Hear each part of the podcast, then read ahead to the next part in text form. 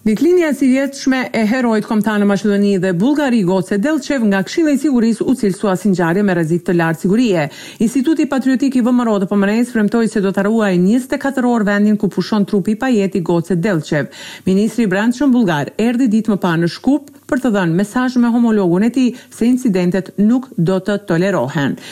Policia po bëhet gati për të blinduar lokacionin në afërsi të kishës Sveti Spas e cila është në Çarshinë e Shkupit. Ekzistojnë struktura të cilat nuk do të dëshironin që të kemi një shënim të qetë të këtij përvjetori.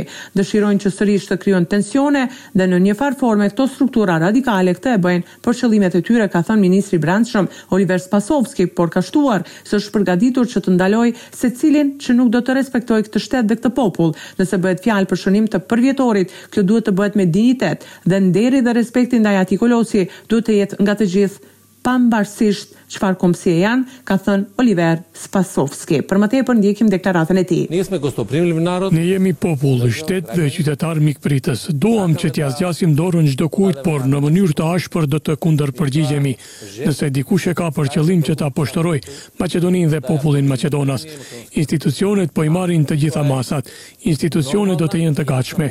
Po punojmë së bashku me shërbimet sekrete në mbledhjen e informacioneve dhe në bazë të këtyre informacioneve do të marrim të gjitha masat. Qytetarët duhet të jenë të qetë. Me datën tre shkurt ka bërë shënimin e ditëlindjes Sofja zyrtare, ndërkaq më katër shkurt Kryeministri do të udhëheqë delegacionin qeveritar, ndërkaq lule do të vendosë presidenti Stevo Pendarovski. Prezencën e ka paralajmëruar lideri i opozitës Hristijan Mickoski, ndërkaq nuk ka informacione për praninë e ndonjë delegacioni nga Sofja zyrtare. Dimitar Kovaçevski bëri thirrje për kremtim paqësor dhe dinjitoz të ditëlindjes së Goce Dellçev. Ai u ka bërë thirrje gjithashtu të gjitha organizatave që synojnë të provokojnë kremtimin e nesërm të jenë të. kujdesshme. Në anën tjetër, janë në fund bisedat për hyrjen eventuale të Aleancës për shqiptarët në Qeveri si nevojë e rritjes së numrave për ndryshimet kushtetuese dhe krijimit të shumicës prej tetëdhjetë deputetësh.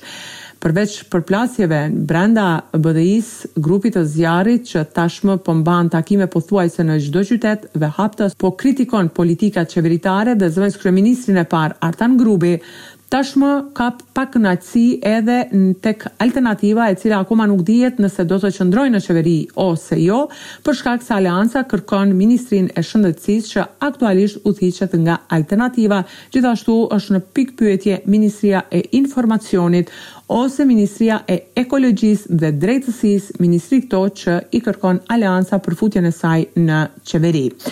Nuk është caktuar. Një takim i radhës në mes të LSDM-së, Aleancës për Shqiptarët dhe Alternativës, thuhet se deri të hënën duhet të ketë informata më zyrtare rreth pjesëmarrjes dhe ministrive që do të marrin.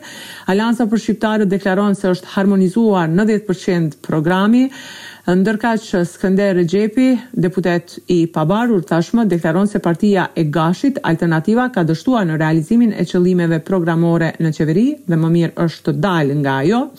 Sidoqoftë, kryeministri Dimitar Kovaçevski ka thënë se po punojnë grupe të punës për të vendosur pjesëmarrjen e Aleancës në Qeveri. Për më tepër ndjekim deklaratën e tij. Inaku mozham da vi kazham deka rabotnata grupa koja shto ednoglasno ja formiravme na. Mund t'ju them se grupi i punës që e formuam njëzëri në Bordin Ekzekutiv të LSDM-së, punon në përgatitjen e mundësisë për hyrje të një partneri të ri në Qeveri.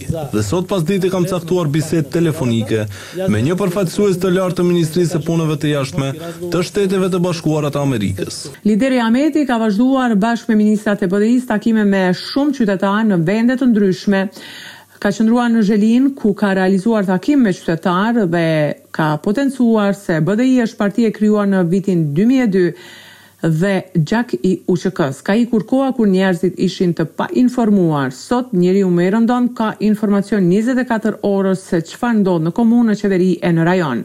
Ne sot jemi në paradhomën e Europës. Nuk hyhet në Europë dhe nuk do të pranon Bashkimi Europian pa standarte.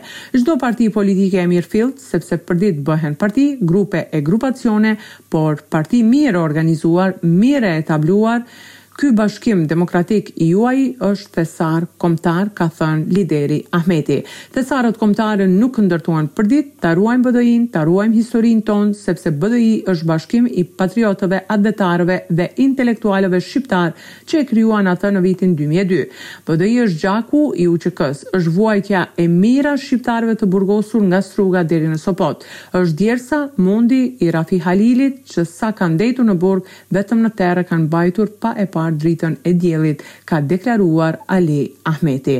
Në ndërkohë që grupi i zjarrit bën zhurmën e madhe në çdo qytet dhe kundërshtojnë politikat e BDI-së si dhe sloganin Bashkë për Europë që sipas tyre nuk është e mundur të bëhet thirrje për bashkim për Europë, por për të shpëtuar politikat e zëvendëskryeministrit të parë, Artan Grubit, që kërkojnë të dorëhiqet. Ndonëse Artan Grubi ka publikuar disa arritje vetëm gjatë kësaj jave, të cilat janë multidimensionale për shqiptarët dhe për të gjithë qytetarët. Ditë historike Nuk ka më asnjë pengesë, po fillojmë ndërtimin e korridorit tetë dhe dhjetë D, ka thënë Artan Grubi. Bashkë me kryeministrin Dimitar Kovaçevski, ministrin e Transportit dhe Lidhjeve Bllagoj Boçvarski, zëvendësministrin Bekim Rexhepi, drejtorin e Rrugëve Shtetërore Ejup Rustemi dhe drejtorin e Konzorciumit Paolo Orsini, Finalizuam një hap vendimtar për realizimin e projektit më të madh infrastrukturor në vend, korridorin tetë dhe dhjetë D, me nënshkrimin e marrëveshjes për procesin e konsulencës juridike dhe mbikëqyrjes së procesit të ndërtimit. Pas nënshkrimeve të vendosura në këtë marrëveshje, menjëherë nga dita e hënë do të mbahet mbledhja e Komitetit Drejtues për Korridorin tetë dhe dhjetë D për të filluar fazën e negociatave përfundimtare me Bechtel Enka. Falënderojmë të gjithë ata që dhanë kontribut në realizimin e këtij procesi historik për zhvillimin e vendit, ka deklaruar vetë zëvendëskryeministri i parë, Artan Grubi.